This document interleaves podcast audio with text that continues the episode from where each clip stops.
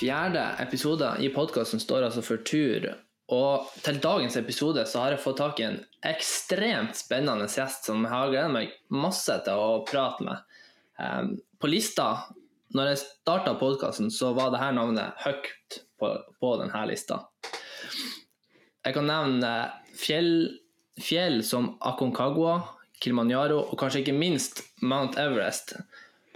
Og dette er altså fjell som dagens gjest hadde dratt med seg en saksofon til toppen og spilt konsert på toppen av ja, verdens høyeste fjell. Det vil jeg si er enormt imponerende. Ikke minst den fysiske og den mentale biten av det, men også ja, det er helt mind-blowing. Så ukas gjest har altså en mildt sagt imponerende fysisk kapasitet, i tillegg til å ha en mental styrke og et pågangsmot som jeg personlig beundrer stort og henter mye inspirasjon ifra. Håkon Skog Erlandsen, velkommen til podkasten. Jo, tusen hjertelig. Det var en eh, storslått intro. ja, ja. Det ligger mye tid og kjærlighet bak det. Ja, veldig bra.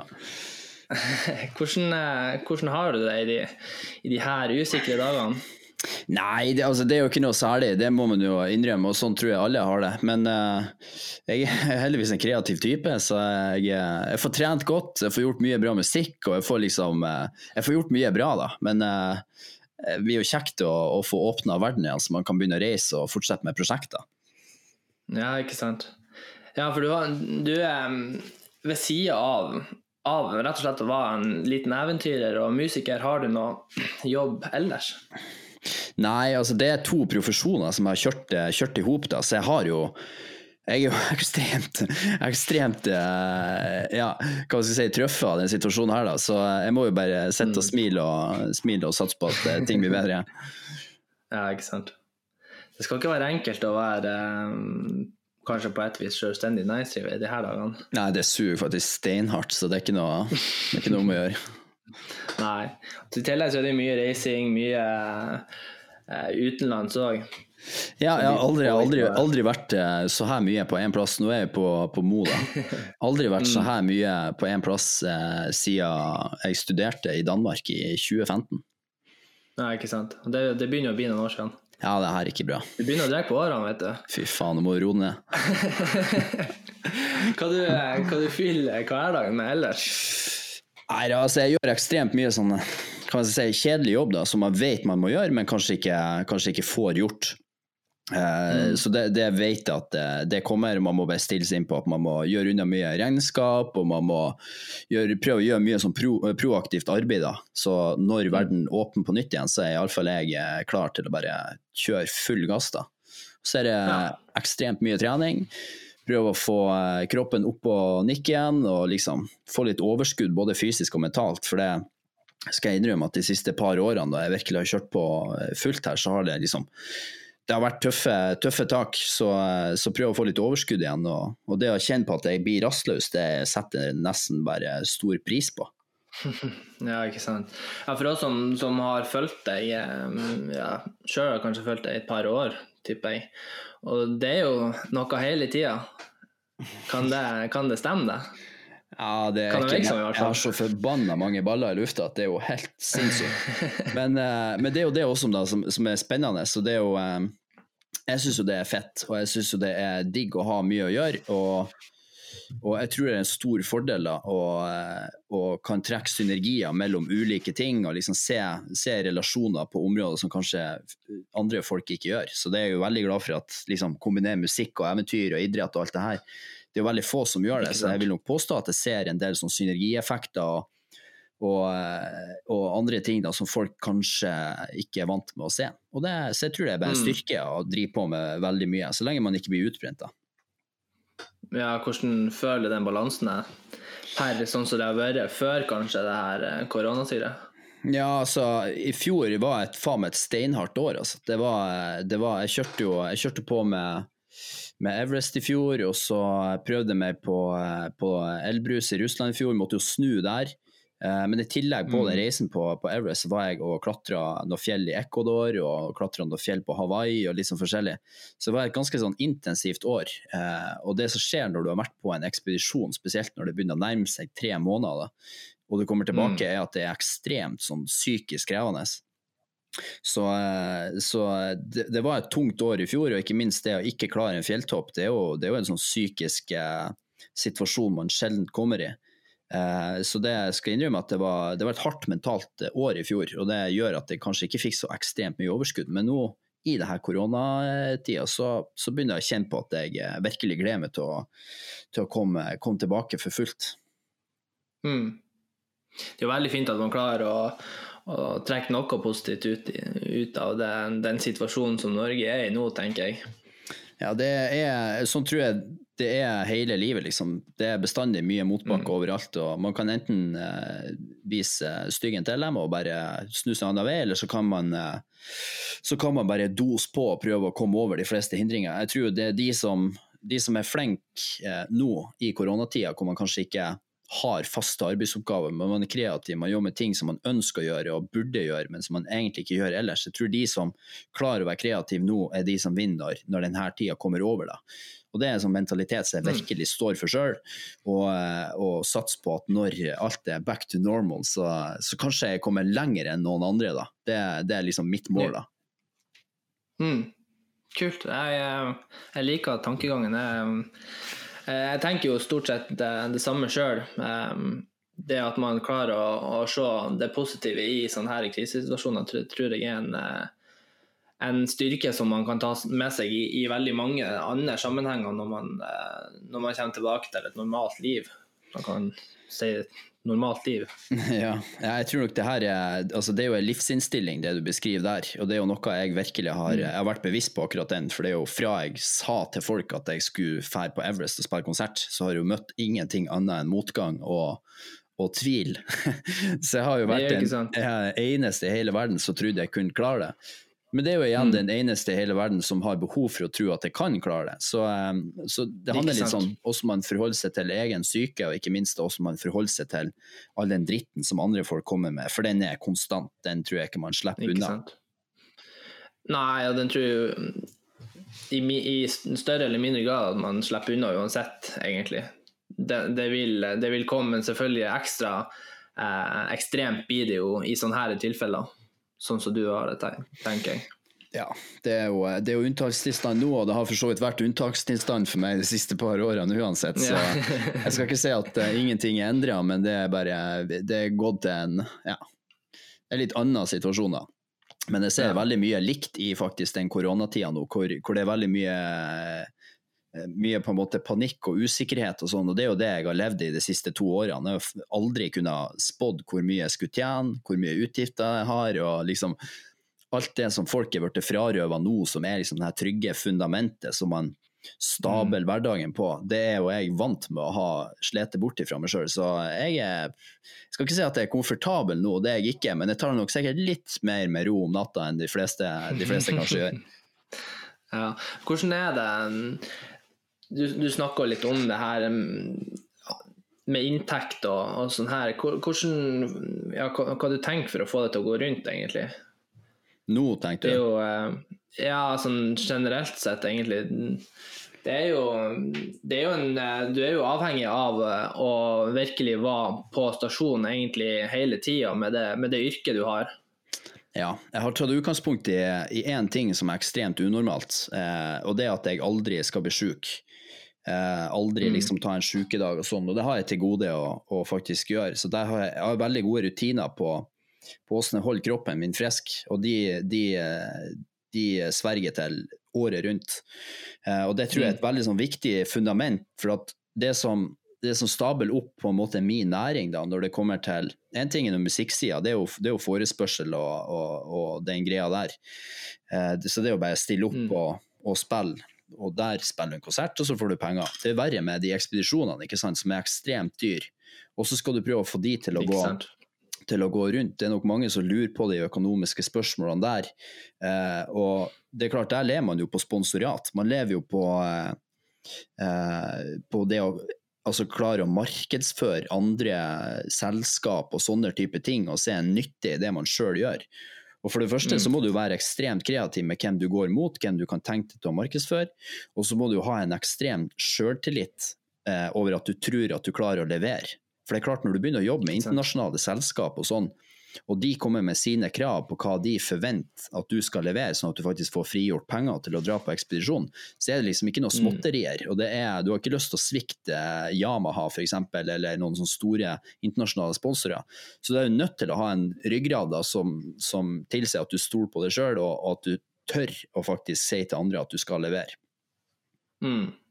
Ikke sant? Ha, og det, jo, det, kan man jo egentlig trekke ned til, til nybegynnere innenfor trening, å ha det her støttespillerne som, som, man på en måte vet eh, kan både være, være direkte med deg og, og dønn ærlig, men også veldig støttende, tenker jeg. Ja, jeg tror faktisk det gjelder i alle, alle ledd. Altså, jeg har noe bakgrunn innenfor idrett sjøl, eh, både fra superamatør og verdens tjukkeste fotballspiller til å, eh, på en måte også være på relativt høyt nivå innenfor triatlon, hvor jeg da var sponsa og kjørte den greia der.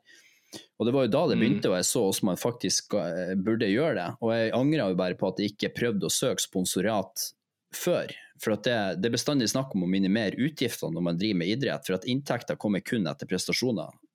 Uh, og mm. du, du, er da nødt til å, til å, til å minimere inntekter en periode, og det er bare å få sponse et par sko fra Sport1 eller hva det enn skulle være. Bare snakk om å gå innom og spørre.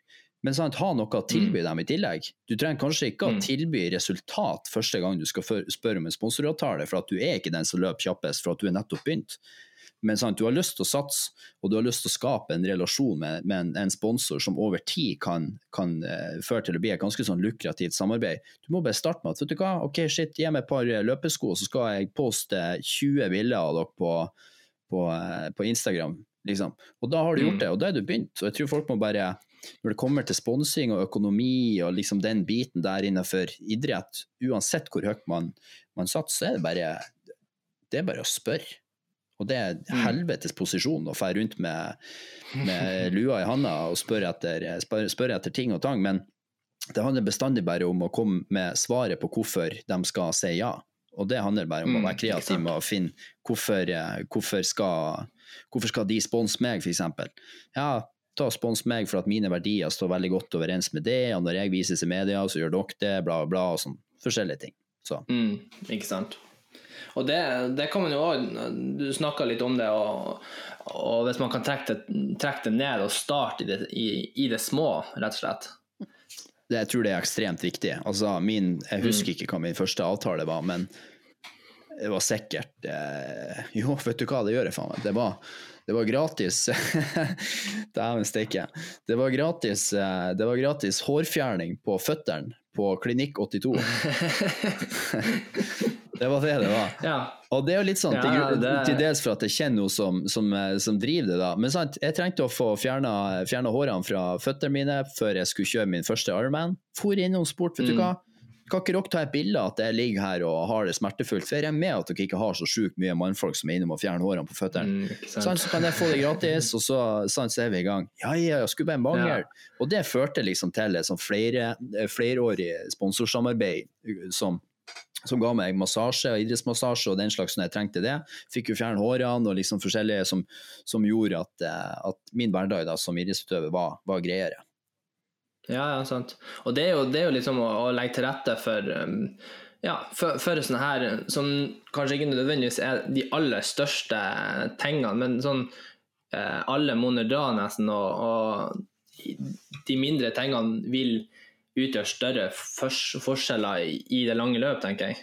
Ja, altså, det, det, det er sånn at, eh, at uh, 10 000 kroner er 10 000 kroner uansett. Om du får det til én sponsor, mm. eller om du får det til, til ti sponsorer, eller om du får det uh, sponsa i form av utstyr, så er 10 000 kroner 10 000 kroner. Så man må liksom se, mm. se de relasjonene der. Og jeg tror nok mange, mange tror det at det å være sponsa kanskje vil se at du bare drar rundt og henter penger ikke sant, til folk. Og det er nok det er ekstremt feil, feil, oppfatning, for det er nok ikke der det finnes. Eh, etter hvert, ja, så det er klart at penger kommer på bordet, men det er jo et resultat av et langvarig sponsorforhold hvor man, hvor man har prestert over tid, og det er jo det man er nødt til å gjøre. Mm. Uten tvil. Mm. Helt enig, helt enig. Du snakka litt om det. Verdens tjukkeste fotballspiller, var det du sa? Hva er hvis vi trekker trådene tilbake igjen til en tidlig og ung alder Du starta vel kanskje ikke med å drømme om Mount Everest, gjorde du det? Nei, vet du, jeg, jeg laga faktisk på sånne særemnegreier på ungdomsskolen i 9. eller 10. og sånn her. Så laga, jeg husker vi laga en sånn info, infodokumentar om Mount Everest, eh, jeg og noen sånne gutter. Og det lå jo ikke i det lå ikke i hjernebarken min noen plass at det noen gang skulle ferdig. For at jeg tenkte jo bare fy faen for noen sjuke folk, og det der er jo det sjukeste du kan gjøre i hele verden. liksom. Aldri i livet om jeg skal dit. For da fikk jo opp statistikk over dødsfall og alt det der. Eh, så, så til og med tiendeklasse så var liksom det aldri aktuelt. Og ideen om å faktisk klatre Mount Everest den kom ikke før i, eh, før i 2017, faktisk. Når jeg, når jeg begynte å planlegge prosjektet. Så alt Mm. starta med Akonkago, at den muligheten åpna seg. Og før ting hadde satt seg, da, så hadde jo mine ideer og tanker eskalert eh, en del. Eh, Så jeg husker det øyeblikket hvor jeg satt og, og innså det at jeg skal faen meg til Mount Everest. Eh, Og det, det er ikke så altfor lenge siden, men det er klart jeg har jo en bakgrunn som eh, som tilsier at jeg også kun tenker sånn, da. Og det stammer jo tilbake til Mm. spill og fotball da jeg var liten, ikke sant. Eh, gikk eh, også veldig mye på ski. Fikk noe astma og noe greier. Sant? Ikke helt optimalt. Begynte å spille i korps. var var 1,50 høy og sant, kvalpfeit og hele den greia der. Så, så etter hvert da, så ble det jo Jeg var jo mye bedre i musikk enn jeg var i idrett, så det ble det naturlig for meg å velge idrett. da. Nei, velge eh, musikk. Og så, mm. og så gjorde jeg jo det i kjempemange år, men sant, har jo sunne verdier. og kommer fra en sprek familie, så jeg, jeg endte jo opp med å, med å finne ganske stabilt tilbake til idretten etter hvert. Og, eh, og begynte jo da med triatlon, egentlig etter en periode hvor jeg hadde vært altfor mye god musiker av scenen, da, for å si det sånn. Så Mm, jeg fant jeg tilbake til det her med, med idrett og bare begynte å trene ekstremt mye. Og fant en stor glede i å være sprek og være fysisk aktiv. Og, ikke sant? Har, min jobb er jo heldigvis å reise rundt omkring i verden og enten være eventyrer eller musiker. Og det ga meg jo mye Mm. mer å, å stå opp tidlig og dra og sprenge i Alpene når jeg var der, istedenfor å ja, våkne opp fyllsjuk på et hotellrom, liksom, og, og den Mm, slags. Så jeg bare. Det, det funka for meg, da. Mm. Det kom, eh, kom gradvis, kanskje? Kan det Ja, det, det kom uten tvil gradvis, men eh, etter hvert da, når jeg, eh, etter min første Ironman, så så jeg jo at jeg faktisk hadde anlegg for å bli ganske god da. Eh, For jeg lever Mm. også etter en annen teori, og det, om at hvis, man har klart å bli ekstremt flink innenfor ett område, så er det veldig enkelt å overføre det til noe annet. Uansett om, uh, uansett om det er relatert til det du er flink i eller ikke, men det er noe når du kjenner til de rutinene og den strategien og disiplinen man er nødt til å ha for å bli ekstremt god i noe, så er det, altså, så er det mye mer eh, altså, tilrettelagt for å bli flink i noe annet. Og det er klart, mine, min bakgrunn da, som musiker, jeg hadde jo jeg hadde jo eh, lang utdannelse og ble satsa på som musiker og musikertalent og liksom hadde øvd helt sjukt mye og spilte liksom med de beste i verden og, og virkelig hadde dritfett. Når jeg da fant den idrettsgreia, så visste jeg jo nøyaktig hva som skulle til for å bli god på idrett, så jeg overførte jo bare akkurat det jeg, eh, jeg visste, visste trengte for å, for å få gode resultat. Så så er det jo snakk om at Mm. hvis man skal bli god i idrett og alt annet, egentlig, så er det snakk om å øve smart og trene smart. Eh, og der har jeg nok vært ekstremt flink. da, Ikke dra ut på en løpetur og liksom tenke at ah, nå skal jeg sprenge litt eh, fortere, sånn at jeg får god tid på Strava, for det om jeg skulle ha sprunget rolig. Mm. ikke sant? Bestandig bare holde meg, til, hold meg til min plan og mine mål, eh, for at da vil du få optimal progresjon. Så man får bestandig Mm. et, et eller annet område, en eller annen plass man kan vise hva man duger for. Man må bare tørre å være tålmodig og også være Man må tørre å være dårlig, man må tørre å være nybegynner, man må tørre å ta det med ro, man må tørre å, å, å holde seg litt tilbake og ikke bestandig skal vise at man er liksom den kjappeste i hele verden. Mm, ikke sant. Og det, og det tenker jeg, det gjelder jo uansett her i, i, eh, i både i treningssammenheng, men også i, i livet generelt. Det er å, å tørre å være tålmodig med, med det arbeidet man gjør, og ha eh, kontinuitet, og ikke hele tida skal jage etter eh, målsetninger og drømmer, og skal nå dem i morgen. Så Ja, ikke stress med ting, for at det har, det har aldri Mm. funka. Det å stresse mot noe har aldri vært i oppskrift til noe bra.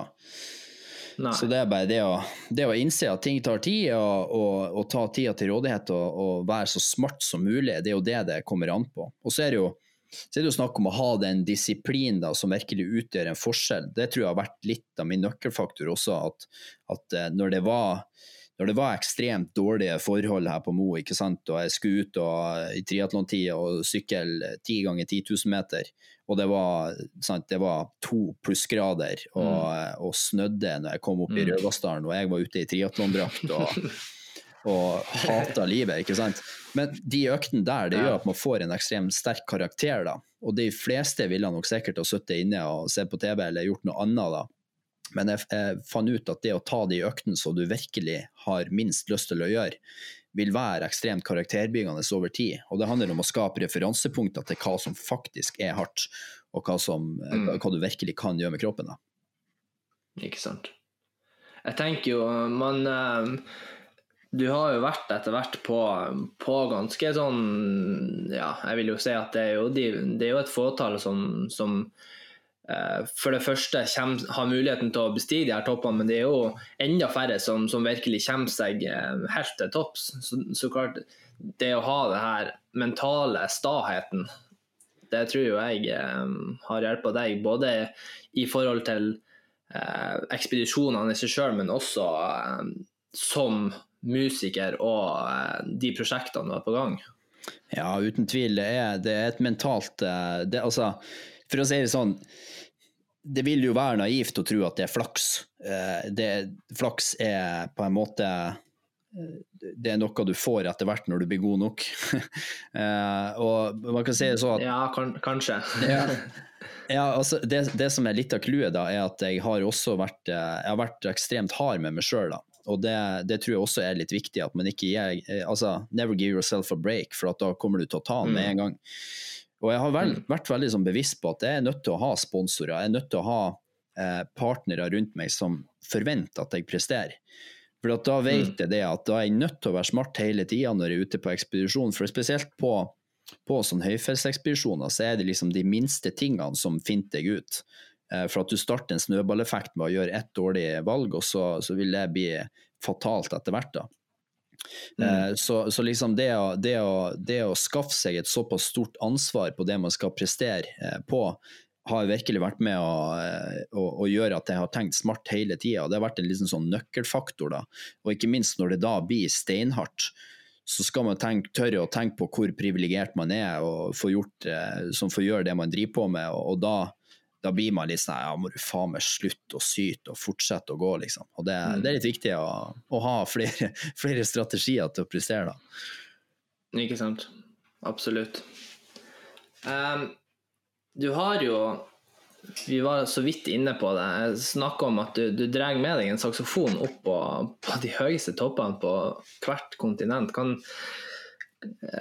kanskje du kan gi en litt bedre beskrivelse og fortelle litt om hva det er du egentlig gjør?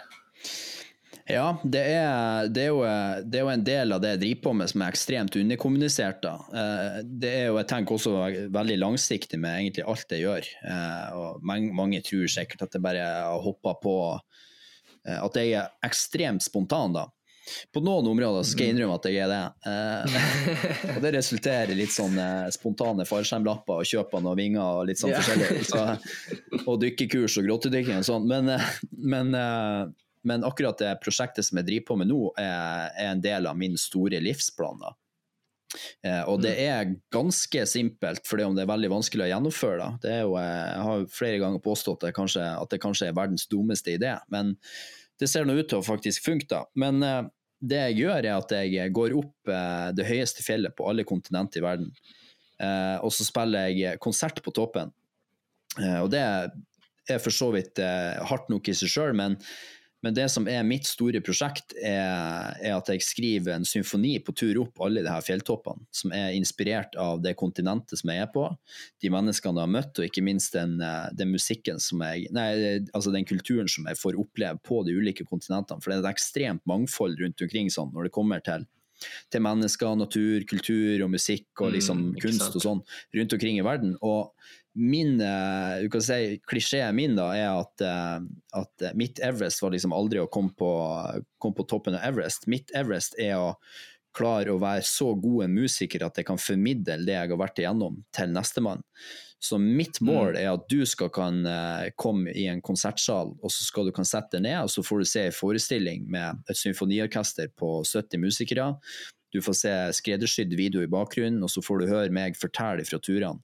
Og mitt mål eh, i den konsertsammenhengen der er at du virkelig skal få oppleve med musikk og med de følelsene som jeg kan lage med de verktøyene som jeg har, eh, kan få oppleve at du var med meg når jeg f.eks. så så soloppgangen på eh, sørtoppen på Everest over Tibet, eh, eller f.eks. komme på toppen av Kilimanjaro, eller få frostskader i Alaska, eller se et lik for første gang, eller oppleve å mm. fryse av seg fingrene, og liksom sånn forskjellig. Så det er liksom det som er, som er, min store plan, og det er derfor jeg gjør alle de fjelltoppene her. Det er ikke for å vise hvor mm. sprek jeg er, det er ikke det er ikke bare for å spille konsert på toppen, for jeg skal jo innrømme at det er jo ekstremt dårlige forhold for å prestere noe særlig over snittet kunstnerisk. Så eh, ja, jeg har en ganske langsiktig plan med det jeg driver på med, og i korte trekk da, så er det, så er nettopp det. Mm. Og, og, det er jo Vi har jo på en måte hørt litt av, av noen av de her eh, symfoni, symfoniene som du har skrevet, bl.a. i introen i, eh, i podkasten, og det skal jo sies at det er jo mildt sagt imponerende den eh, ja, Hvis man tar den fysiske anstrengelsen for å komme seg opp og, og i det hele tatt um, spille en konsert, men det er jo, det er jo enorme sånn, sånn som jeg føler det, i hvert fall når jeg hører bl.a. den introen der, så man ser for seg så, så mange bilder. og ja, Det er jo fantastisk flott å høre på, så, det, så jeg tror det blir jævlig spennende å høre og se sluttproduktet av det. Ja, jeg tror også resultatet kommer til å bli eh, kommer, altså Mitt mål er at det skal være banebrytende innenfor, eh, innenfor mm. Eh, kunst og musikk.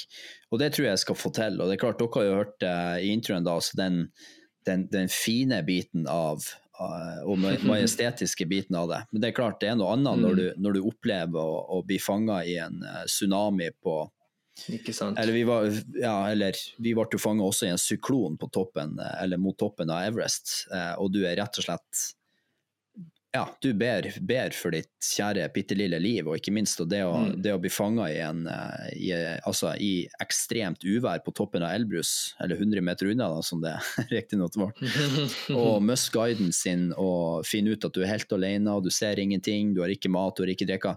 Når du skal begynne å sette der i, til live med musikalske verktøy, da, så begynner det å bli spennende. Så når du får den kontrasten i musikk fra det jeg beskriver der, og til det storslåtte, og du får mm. implementert det her ulikhetene som finnes kunstnerisk over hele verden, da, da begynner det virkelig å bli spennende. Ikke sant. Ja, for, for sant? når, man skal, når, man skal, gå på, på toppene på altså Seven Summits, det er det det kalles? Det er det det kalles. Det er, jo, det er jo, som Håkon sier, det er de høyeste toppene på alle kontinentene. Og det er jo klart, du møter jo på uendelig masse forskjellige kulturer, folk. Uh, ja, hvordan, hvordan, klarer man å, å, ta inn alle inntrykkene egentlig på en sånn her tur? Ja. ja. Det er litt vanskelig, faktisk, men, men, men uh, det er jeg jobber veldig strategisk med det jeg driver på med. Eh, og spesielt eh, altså Det å gjennomføre en god ekspedisjon det handler ikke så veldig mye om eller handler så klart mye om det som skjer der og da, men det mm. viktigste du gjør, er å gjøre et godt forarbeid. Og, og, og litt av det, den jobben som jeg gjorde før jeg dro til, til Afrika, og ikke minst til, uh, til, til Nepal. da. Også, og et arbeid som jeg har drevet på med, og ikke minst skal prøve å få gjennomført det med å dra til Papa Ny-Guinea og ta, ta, en av de siste toppene, eh, det er å mm. sette seg inn i hvilken kultur man faktisk møter, eh, møter på. For det er, det, det er, en skummel faktor eh, når det kommer til å klatre fjell og drive med ekspedisjoner, det at du som regel har med altså Det er en X-faktor, det er andre mennesker. Mm. Et snøskred er, er, Det kan du til en viss grad kalkulere, men et menneske er en enormt stor X-faktor. Og når du kommer opp i høyden, så vil du oppleve at alle sånne små nyanser som man kanskje ser forbi på havnivå, det blir ekstremt viktig der oppe. Og vi opplevde jo at det var bl.a. en eh, en person som eh, omkom eh, på 8500 meter fordi at han hadde vært frekk mot, mot sherpaen sin. Uten at han hadde visst det, så hadde han liksom ut ifra sin kultur og der han kom ifra, så mente han kanskje ikke at han var frekk, men Sherpaen hadde tatt det så nært til seg det han har gjort og det han har sagt, og at han rett og slett bare snudd og gått ifra han. Og, og Mm. når sånn skjer, ikke sant, så eh, var det jo en veldig uerfaren eh, person som døde, dessverre. Men, men eh, når, når sånn skjer, så er du på en måte sjanseløs der oppe hvis du, ikke, hvis du er veldig avhengig av, av en guide som du har med, så må du iallfall sørge for at du ikke at du ikke gjør noe så, som er feil. Da. Og det å trø på andre sine religioner, det er nok i Norge ikke oppfatta som veldig stor, et stort overtrakk, men når du kommer ut i den store verden, så er det ekstremt viktig å ha respekt for, for historie og kultur og, og religion og sånne ting. Så veldig mye ligger, ligger i forarbeid med å sette seg inn i den slags type ting. Da. Og da får jeg jo ikke minst også et veldig godt overblikk over de ulike kontinentene, og liksom det som også skal være et grunnlag for inspirasjon til den musikken som jeg skriver. Ikke sant. Det er jo, når, når du bestiger de her toppene, så er du jo ikke alene. Du, man er jo avhengig av et, et jeg vet ikke hvor, hvor, stort apparat man har eh, rundt seg av, av, guider, men klart du kan ikke komme der og være kongen på, kongen på haugen. Nei, det varierer litt eh, akkurat det der. Jeg gikk jo, Aconcagua gikk jo, eh, endte jo opp med å gå alene der eh, pga. at guiden svindla meg, og hun som jeg gikk med, hun fikk eh, høydesyke. så jeg endte opp med å gå, gå fra 5005 og opp alene, som er den kjipe biten, da. Denali klatrer jeg sammen med en, en klatrekamerat fra Ecuador. Aconcagua, nei, Kilimanjaro klatrer jeg med Der er du altså lovpålagt et nettverk rundt deg med så og så mange guider og portere. Og det handler ikke om at du ikke kan klatre eller ikke, det handler om at eh, de må ha inntekt til, eh, til landet. Everest var vi et helt team som klatra, og der er du ekstremt avhengig av logistikk. Og det handler ikke om at, kanskje, altså at du får klatrehjelp opp gjennom, det handler om at, eh, om at du må ha informasjon om hva som foregår på fjellet, for at det endrer seg veldig fort. Og Elbrus klatrer jeg sammen med en, uh, kun en guide der borte, og det viste jo at guiden var jo mye mindre kompetent enn det jeg var.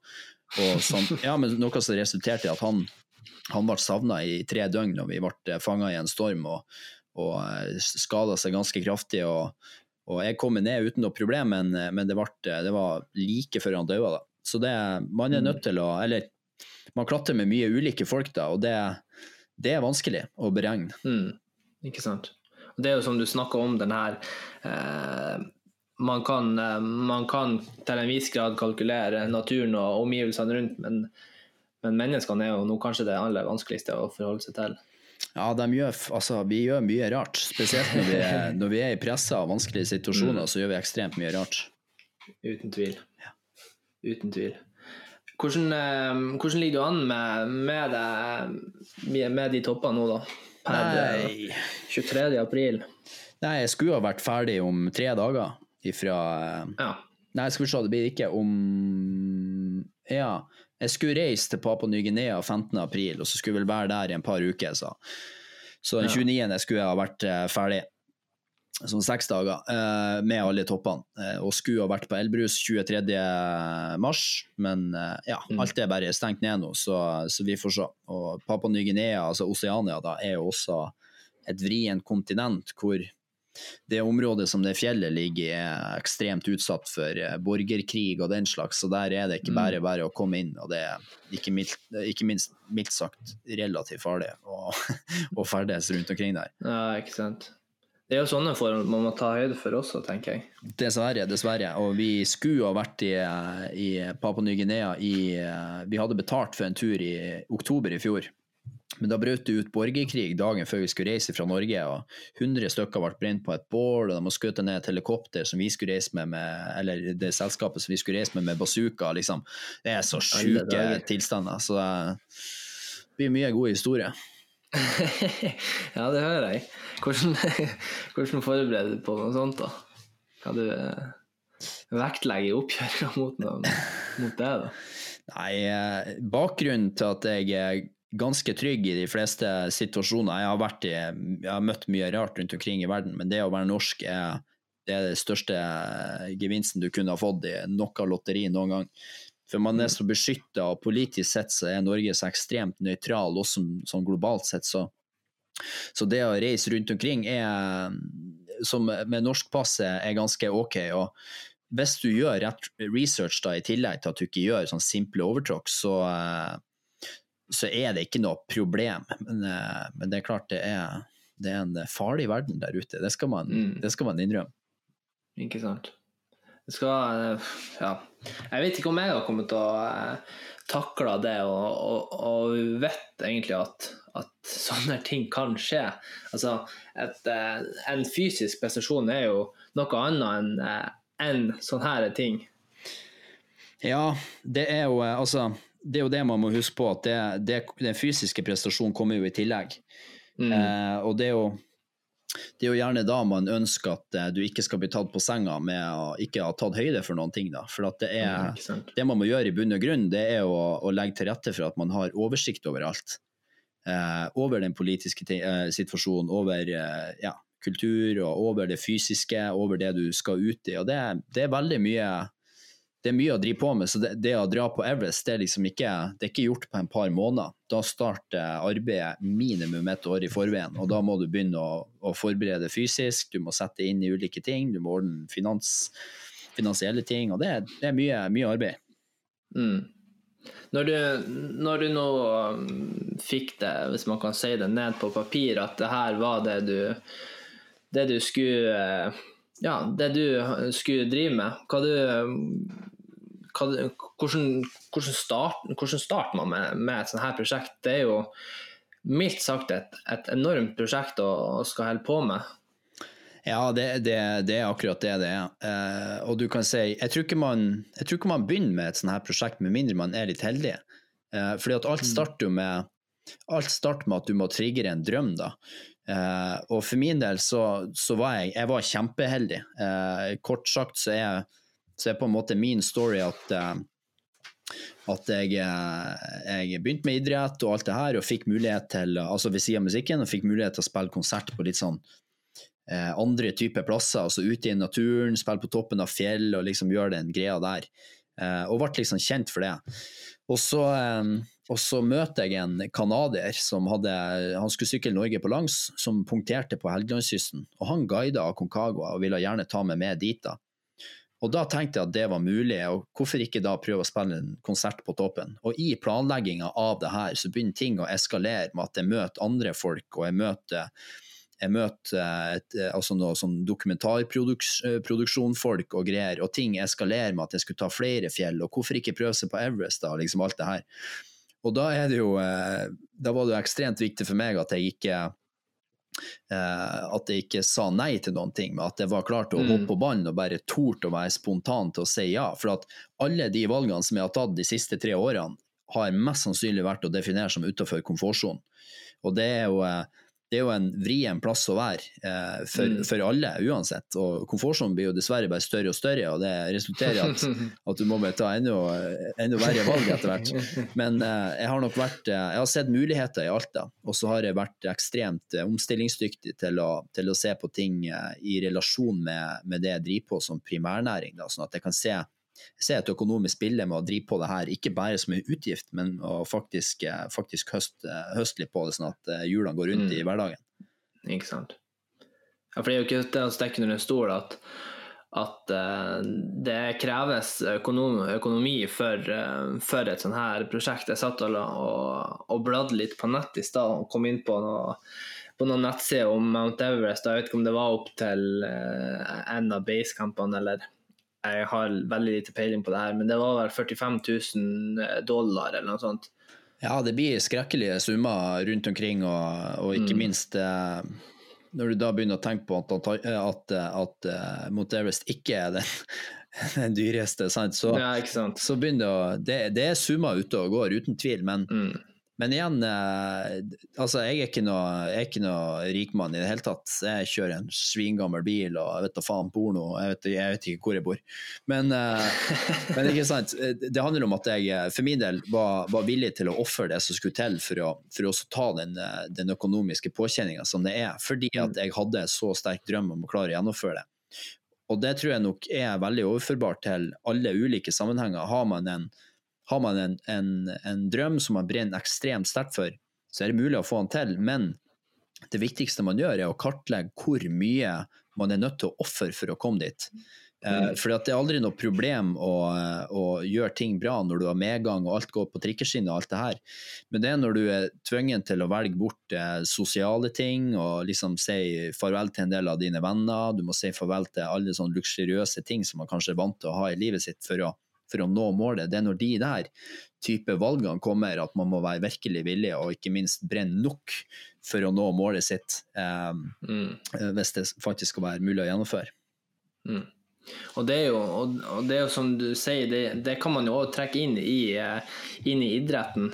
De, jeg vil jo si Det du driver med, det er jo helt, helt opp i verdenstoppen. Eh, ja, om man skal kalle det en idrettsgren eller hva man skal gjøre, men i verdenstoppen er det uten tvil. Og det samme gjelder jo i, eh, i idrettssammenheng, der du ser idrettsutøvere de, de spiser, de trener og de sover. Så det, det, man, jo, man kan trekke sammenhenger mellom eh, typ toppidrettsutøverne. da. Ja, uten tvil. Det er jo, det er jo, et, det er jo et sånn type liv, da, kan du si. Og, og ikke mm. minst det siste året her. Gjennomsnittlig toppidrettsutøver trener jo kanskje 1000 timer i året. og eh, og det, klart Skal du da ut på lange ekspedisjoner, så blir til og med det ganske lite. Så man er, man er mm. nødt til å omstille seg ganske mye. og Det blir mye mengder. og Da er du igjen nødt til å være smart eh, døgnet rundt. Mm. og da Klart alle har lyst til å dra på fest og kose seg, det er jo artig det, men det er jo spørsmålet hvor mye er man villig til å, til å ofre for å få en god treningsøkt dagen etterpå. For det er det mm. som i det lange løpet, da, summen av alle de sånne små valgene, det er de som summerer opp i om du klarer målet ditt eller ikke. Mm. Og så kan man jo, eh, Vi var jo litt inne på det, den, den, de her ekspedisjonene de er jo ikke bare eh, fysisk krevende. Sånn, så den treninga vi snakker om, det, det, jo, det er jo alt egentlig som ja, som man kan møte på i en sånn her ekspedisjon, om det er å sette seg inn i en, uh, den kulturen du skal i, så er jo det en forberedelse og en type trening på det du møter i, uh, i hverdagen der, da. Ja, uten tvil. Det, det er iallfall tidkrevende, så dessverre så mm. kommer du utafor alle treningstimene. Men, uh, mm. men, men, det er en jobb som må gjøres, for det, det nødt liksom ikke hvor god form du er i hvis du faen ikke kjenner til foten av fjellet engang. Nei, sant.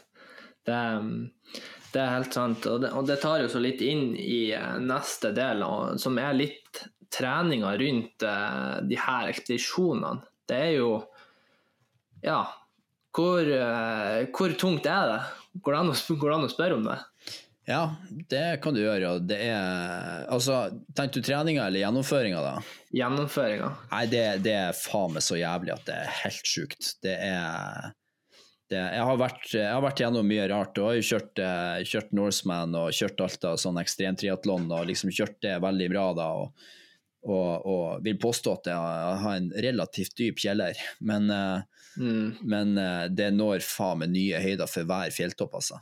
Og det er klart det topper seg nok på Everest, hvor du er, du er så ekstremt sliten at det, er, det blir vanskelig å, å, sette i en annen sammenheng. da, For da, du kan si mm. toppstøtet der som er vanskelig, er det er lite oksygen, og det er krevende eh, forhold.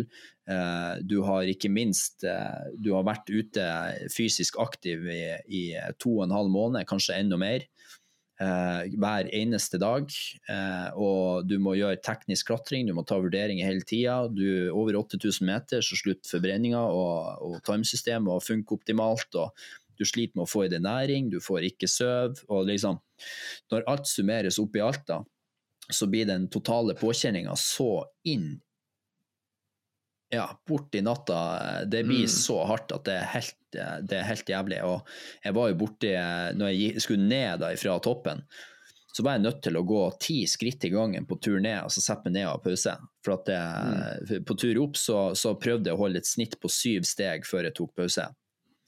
Uh, og nedover så ja, klarte jeg å holde Jeg trodde det skulle være en lek å gå ned, men problemet med å gå ned fra fjellene, det er der de fleste, de fleste ulykkene skjer, for at du er, så, du, er så, du er, så, sliten. Og vi hadde vært aktive da i 40 timer når vi, mm. når vi var på tur ned. Uh, og, um, og, problemet da er at du ser helt ned til bunnen. Uh, mm. Fordi at på tur opp så ser du deg rett ned i bakken, og du har liksom kun pusten å fokusere på. Liksom, du er vant med å, eller du går inn i ei boble da. Mens på tur mm. ned så ser du bestandig altså Du ser jo ned til basecamp, da, og, og, enda lenger, så klart. Bare ned til basecamp, så er det jo, så er det jo eh, ja, hva det blir. Det er jo helt sjukt. Det blir jo 4000 meter. Eh, og det skal du liksom gå ned, og når du ser hvert et eneste skritt, og du går ti skritt i gangen, så forstår du jo at det tar lang tid, og det, det er ganske krevende psykisk, da. Så det er Ja, det, det, det, det er så det, For å si det sånn, da, det er såpass hardt at eh, når oksygenmaska mi frøs på tur opp, da, og det, det, kan være ganske normalt at hun fryser, men til meg så frøs hun så frøs hun ganske ofte, for jeg har, jeg har ganske, ganske, god fysisk form og puster ikke like ofte som de fleste, og da, ja, fryser det fortere. Og jeg la ikke mm. merke til at, at oksygentilførselen var, var, borte i løpet av en halv time. Uh, og når jeg, da, når jeg da fikk åpna den mentinen, da, så var det jo som om jeg var på havnivå igjen. Men, men, uh, men, ikke sant, det hadde ikke noe å si om jeg ble strippa for luft en gang, for at jeg var så langt ned i kjelleren at alt var mm. så sjukt, så sykt vondt. Og på tur ned da, så, så går jeg med frostskader på fingrene og går med frostskader på føttene, sånn lette frostskader, da, men det er jo, det er jo ekstremt vondt. Så i, i, i tillegg til å være eh, veldig fysisk utmatta, psykisk utmatta, så har du en del sånn rene fysiske plager som rett og slett bare mm. gjør vondt. Og jeg tror den totale belastninga der er ja, det, det, er jævlig hardt, altså. Jeg skal, jeg skal innrømme mm. det. Klart, eh, et, når man stiger Mount Everest, det er jo, det er jo teknisk krevende òg. Hva du eh, ja, Går du på autopilot oppover, eller hva For meg som, som på en måte har spilla fotball og vet at når man blir sliten, så, så blir jo det her eh, ja, Valgene man tar, de blir jo helt skrudd, egentlig. Man kan jo gjøre det underligste når man er, hvis man er sliten. Og på det nivået du prater om, det, ja, og på et sånt eh, I de høydene det klart, Konsekvensen fra å trå feil er jo katastrofal, egentlig. Ja, denne, denne, da er det på en måte døden, og det er det som blir litt av, mm. litt av, det som gjør det tungt over lengre tid. Du kan aldri slappe av, da. Og det er jo f.eks. Det, ja. det første du gjør når du begynner stigninga eh, opp mot, uh, mot toppen, er, er at du, eh, du, går over et brev, altså opp et av de verste isfallene i, faen meg, over hele verden. Det heter, Kumbu Icefall, og det er ekstremt mye sånn teknisk, teknisk, klatring, og du må gå på tau, og det er over bresprekker som går flere hundre meter rett ned. Eh, og du går over tynne aluminiumsstiger og holder i et smalt tau. og Når man da tenker på at den eh, isbreen også flytter seg to meter om dagen, så endrer det ruta hver eneste dag. Eh, og Det er bare én av de variablene, og det er bare de første 600 høydemeterne. Og så kommer du lenger oppover hvor du må Eh, hvor du må fra 6700 meter og opp til 8000 meter, så går du i en, eh, altså en 1300 meters høy, eh, høy, motbakke som er ren blå is.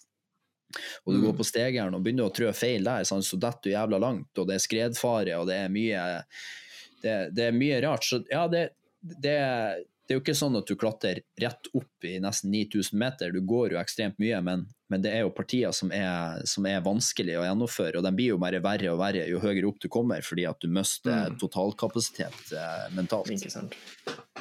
Klart, det, jo, det, er jo ikke noe, noe ukjent at uh, den kapasiteten man har ved havnivå, er jo ganske mye større enn den du har uh, på 8500 til ja. 8800. Ja, så du kan jo si det at vi opererer under det man kaller for suboptimale prestasjonsforhold.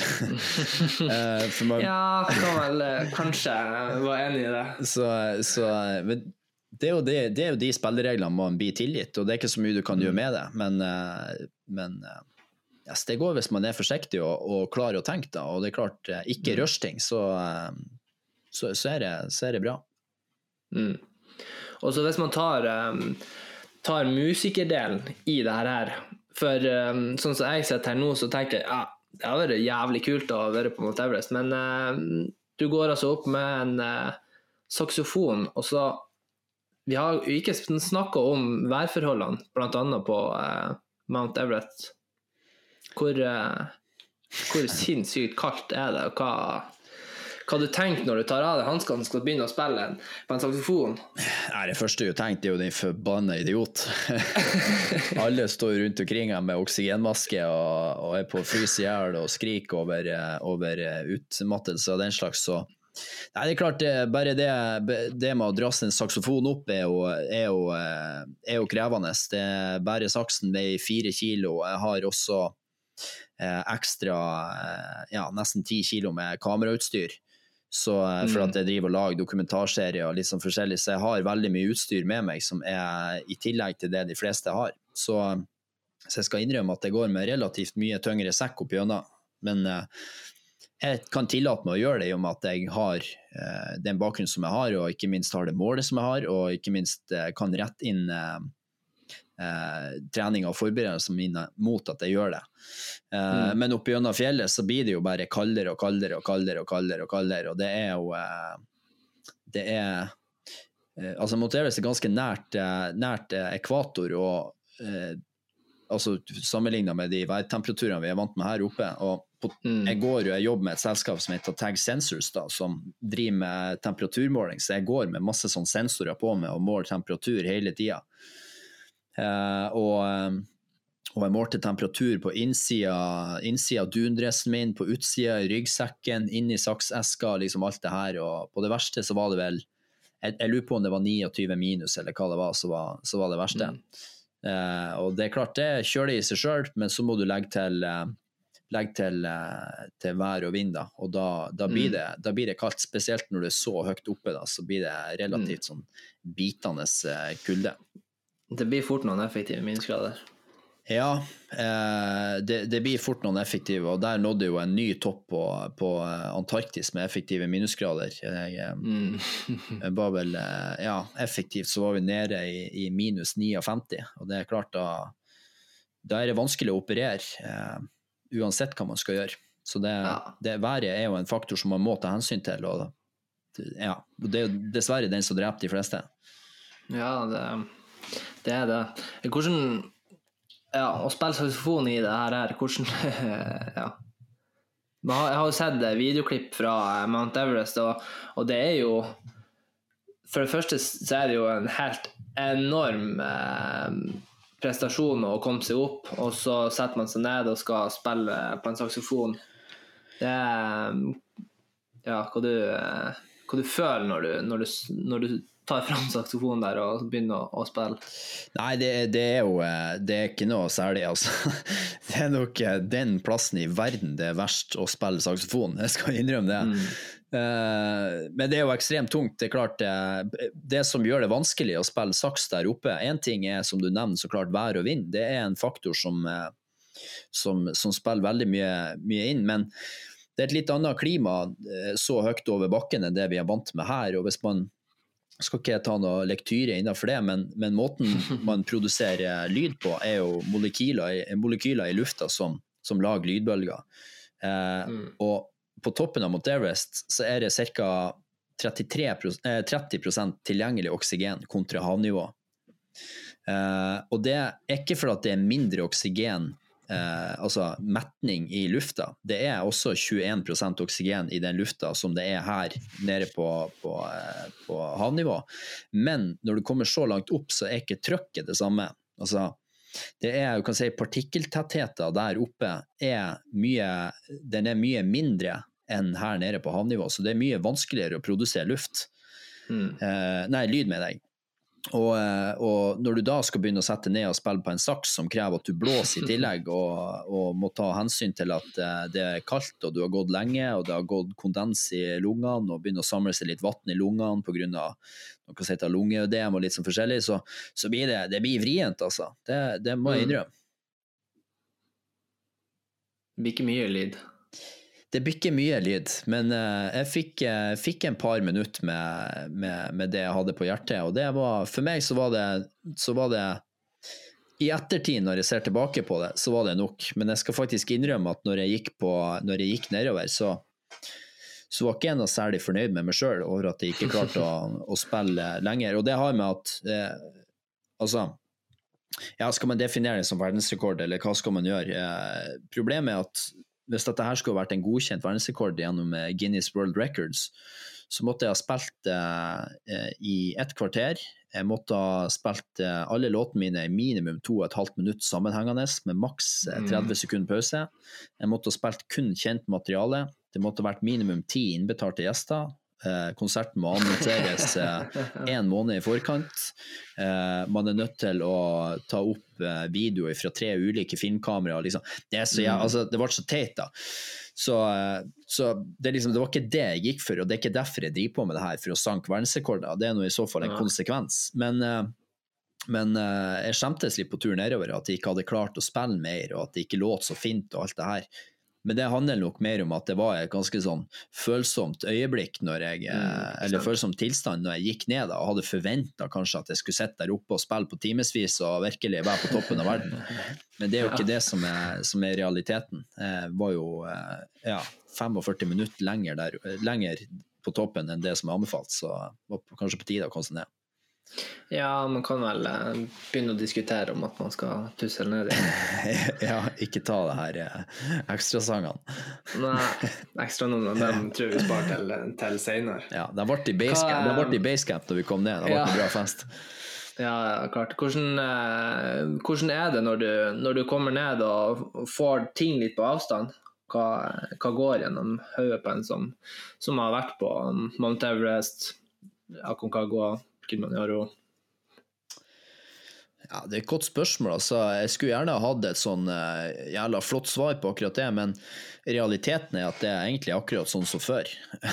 mm. uh, men det er klart man får et litt annet syn på, uh, på, på, på, en del ting, da. jeg føler at jeg kan ikke sikkert det fremstår sånn akkurat nå, men man er nødt til å ha en viss selvsikkerhet når man driver på med det jeg driver på med. Men jeg har blitt relativt ydmyk i forhold til til andre folk, da. Eh, respektere at, eh, at, det krever ting å nå sine mål, og at, eh, at, man kan ikke kontrollere andre mennesker og sånne ting. Eh, og i tillegg eh, så har jeg nok kjent litt på det at det er blitt enklere å sette meg sjøl høyere mål etterpå. For mennesket er jo laga sånn at når du når dine mål, så vil du videre. Det er aldri sånn at du mm. liksom kommer på toppen av Everest og setter deg ned og tenker ah, yes, endelig ferdig, nå skal jeg hjem og slappe av. Du kommer hjem, og så går det ei uke, og så har du lyst til å begynne på nytt igjen. Altså med noe nytt, liksom. Så vi var, vi var, kommet, vi var ikke kommet ned til, til basecamp en gang før vi hadde begynt å diskutere om vi skulle tilbake et annet år og prøve oss uten oksygen og sånn forskjellig. Men, eh, men eh, ja, Er det det som er, er, det det som er nivået over det dere var nå, da? Ja. Eller eh, ja, hvis du, hvis du jeg vet da faen hva man, hva man, kan regne det der eh, ryggsekken min til å være i uttellelse uttalelse på noe sånn, men når det kommer til det å gå uten oksygen, så er nok det, det er nok noe med, med, det heftigste du kan gjøre der oppe, ja, for det blir, det blir dårlige forhold. Men, mm. men kjenn, kjenn, folk som har gjort det òg, og, og, og, igjen, det handler, det handler ikke om at du må ha en spesiell evne til å prestere akkurat der og da, men det handler om at du gjør et litt annet forarbeid til å, til å forberede deg på, på, de forholdene du møter der, uten mm. oksygen. da. Ikke sant.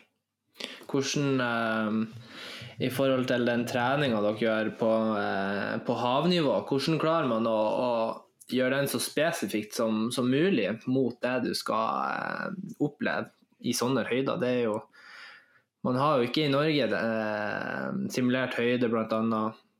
Så hvordan, ja, hvordan angriper man en sånn situasjon, rett og slett?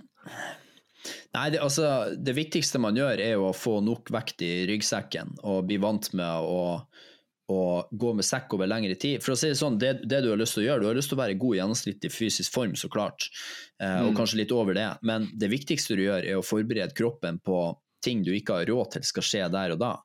Eh, F.eks. Eh, folk og så kan ha ekstremt bra O2-opptak, og så kommer du til Nepal, land i Lukla, som er flyplassen, og så har du ikke gått med sekk.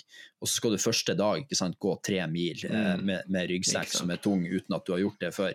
Da tror jeg du vil starte en spiraleffekt som vil gjøre at det blir vanskelig å komme seg opp til toppen etter hvert. Så mitt mm. forarbeid handler så klart om å komme i så god form som mulig men også eliminere en del ting som er visste kom til å skje der oppe. Få seg gnagsår og liksom eh, jeg, jeg, trente jo i det ekspedisjonsutstyret jeg skulle bruke. Så jeg for og gikk opp og ned Selforslia her med, med dykkersett på ryggen uh, for å bli vant med de, uh, de fysiske påkjenningene som med tung sekk, og ikke minst uh, gå i ekspedisjonsutstyret. Sånn at jeg fikk gnagsår når jeg var på Mo, og ikke fikk gnagsår når jeg kom til Nepal. Mm. Um, og det er, nok, det er, nok, det som er den verste delen av treninga. Og ikke minst det, bli kjent med kroppen, da, at du ikke går deg svett. For det er en, det er en dødssynd når du kommer i, i ekstremt eh, kalde forhold. Så, så, så, rett og slett treninga her handler om å tyne deg sjøl helt ekstremt mye, men gjøre det på en smart måte. For det at mm. Eh, når, du kommer, når, du kommer, live, da, så har du ikke en dusj rett attmed deg, og du kan eh, bytte Nei, tørre klær eh, uendelig. Så uh, så, men det er jo mye, mye, tung trening, og det er jo gå ekstremt lange turer med, med mye vekt. og Gå sakte, bli flink og gå sakte. Og, og, den slags er jo det som er forberedelsene på det. Spreng sykt mm. mye intervaller i, i motbakke. Ikke sant. Og så kan man jo snakke om det den mentale forberedelsen på den her fysiske utmattelsen. Hva man snakker jo om visualisering og det ene med det andre når man snakker om mental trening. Hva er du, dine beste øvelser eller råd til lytterne rundt akkurat mental trening? Ja, den er veldig fin. Eh, jeg, jeg tror det er viktig å, er viktig å, å ikke tro at du skal eh, prestere når du kommer i konkurranse. Eh, fordi at, altså for å si Det sånn, det er ikke viktig å, for min del å prestere når jeg kommer ut i fjellet. Eh, jeg, jeg, må, jeg, må, kjenne mine, eller Det er da det er viktig å prestere, men det kommer til å være et resultat av at jeg kjenner mine grenser på trening. Det er da du må mm. kjøre deg sjøl i bakken. Det er da du må finne ut når tid du begynner å eh, Altså hvor, hvor, lenge kan du sprenge så så fort før du begynner å spy? ikke sant? Hvor, Hvordan pulsnivå klarer du å pushe kroppen til? Når tid blir ting for mye? Når tid blir du for sliten dagen derpå? Så Det er rett og slett mm. snakk om å om å bruke treninga for det hun er verdt, og det er å forske på sin egen kropp. Eh, samtidig som man skal bli i bedre form. Eh, for alle konkurranser er bestandig et resultat av at han som kjenner kroppen sin best, han får utnytta den best. Og det er jo da han som er i best form og får utnytta den eh, mest mulig i forhold til den formen som han er i, som, som vinner etter hvert. Og de rutinene som jeg har fra, ifra triatlon, så er det liksom en sånn regel at når du er på, på toppnivå, så får alle ca man starter liksom like fort. Eh, og, sånn man, man svømmer ca. jevnt på toppnivå, man sykler mm. ca. jevnt på sykkelnivå, og man sprenger også relativt jevnt. ikke sant? Det er, det er man, alle har pusha menneskekroppen til det maksimale. Og det er han mm. som blir sist sliten, som vinner. Eller han som gir seg sist, da, som vinner, for at han er kommet lengst. Og det er liksom det som er som er regelen. Og da er det jo han som rett og slett har klart å spare nok på kreftene underveis. Han som har best rutine på ernæring, og liksom han som har vært smartest. da. Og jeg tror nok det å være en god idrettsutøver er han som er den smarteste. Altså Se på Petter Northug på femmila da han vant legendariske dårlige forholdene i var det Falun eller hvor det var. Mm. Ikke sant? Lå bakerst og så sliten ut hele tida. Strategi, men han lå faen meg bare sparte så mye som han kunne hele tida. Ja, han var sliten, men var mm. akkurat nok til at han klarte å få den langspurten som han trengte for å, for å faktisk vinne konkurransen. da. Uh, og det, det, det, tror jeg var et resultat av at han kjenner kroppen sin så ekstremt godt. Og, og, mm. og for de da, som har lyst til å bli veldig gode i det de, eller ha maks progresjon innenfor det de driver på med, så er det snakk om å bli kjent med en del prinsipper som går innenfor toppidrettsnivå. Eh, og det å trene på puls, bli kjent på pulsen din. For pulsen din er en indikator på, på hvor du opererer i form av makspuls og hvilken sone du er i den. Og så vil også mm. pulsen være et, eh, en god indikator på hvor godt restituert du er. Eh, for det, det, å, det, å, få optimal trening over lengre perioder vil jo se at du restituerer optimalt òg. Så det er liksom å, å lære seg å kjenne kroppen sin på best mulig måte. og Det er jo en sammenheng med det å ha rett ernæring og liksom klekke de ulike kodene. Da. Hva funker best for deg? For han som mm. klarer å gjøre det konsekvent over tid, er han som kommer til å bli best. Absolutt. Helt enig. Og det er jo, det er jo som du sier, det. Og, og det å, å, bli kjent med kroppen sin, det tenker jeg, det skjer jo ikke i en konkurransesituasjon. Eller det skjer jo, det skjer jo til dels på Mount Everest òg, tenker jeg. Men, eh, men, det skjer jo hovedsakelig i, eh, i en treningssituasjon. Ja, du må iallfall vite hvor hen kjelleren din er. Altså den kjelleren mm. som, som ikke gjør at du finner ut at du har en ny kjeller, men den kjelleren ja. som, som, faktisk er den dypeste. Hvor, altså, eh, rett og slett at du vet hvor du knekker hen. For, at, mm. for min del så, så, så, er det jo kanskje litt mer ekstremt enn for de fleste, men sant, hvis at jeg knekker og blir så sliten at jeg ikke kan fortsette, så kommer jeg meg ikke ned heller, så da dør jeg. Og det opplevde vi faktisk eh, i, i fjorårets sesong på Everest. Ei dame som døde av utmattelse. Og det er en, Mm. det er en sånn eh, kjip ting å, å, å dø av, så klart. Men det er å snakke om å ha rutiner og kjenne kroppen sin. For at igjen, gjør du et, et maraton, da, så, så er du nødt til å vite hvor ting knekker hen, sånn at du ikke sprenger 41 km, og så klarer du ikke den siste kilometeren for at du visste ikke helt hvor grensa di var. Finn det ut Nei. på trening, og så presterer du i konkurranse. Absolutt. Veldig bra. veldig bra. Jeg, jeg er helt enig om eh, i, i rundt den treninga som, som du beskriver. Det er ikke noe tvil om det. Det er mange, mange prinsipper og mange metoder, hvis man kan kalle det det, som man kan trekke inn til egentlig alle som, som ønsker å starte med trening. Det handler om å, om å finne eh, det punktet der som du prater om, hvor, eh, hvor grensa går, rett og slett. Mm. Så um, ja, veldig bra. Uh, vi nærmer oss slutten, men uh, hvor går veien videre nå? Uh, ja, nå er, nå, akkurat nå så er det jo usikkert, men Ja, det kan du si. ja. Nei, ja, det, jeg må vente til, til, til verden åpner igjen. Og med en gang han åpner, så, så er jeg klar. Så jeg drar til Russland og prøver meg på Elbrus på nytt igjen, så fort verden åpner. Eh, og har, har klart det, det skal til det skjer. Og så, så fort det er gjort, altså jeg booker jo på en måte simultant da, også Papa Ny-Guinea, og fortsetter med å bare gjøre ferdig prosjektet mitt så fort som mulig. Eh, For å da ta ja, Man er jo litt rekordkåt i tillegg, da, så det er bare for å ta norsk eh, fartsrekord og litt sånn forskjellig. Og så, Mm. eh, og så er det snakk om å, om å få musikken ut i livet og få forvalta det materialet som jeg har, sånn at jeg kan begynne å, å fremføre konserter. eh, eh, Ja, det blir vel å starte i operaen, og så går jeg mot verdensturné. da. Det er det som er, som er min agenda. Og jeg sikter ingenting under der. Det vil være det vil være. Ja, for min del så, så ja. så kan det godt hende at det, at det blir realitet å kunne kjøre på norgesturné, men jeg skal iallfall ikke ha det for at jeg ikke sikter høyt nok overfor meg sjøl. Veldig bra.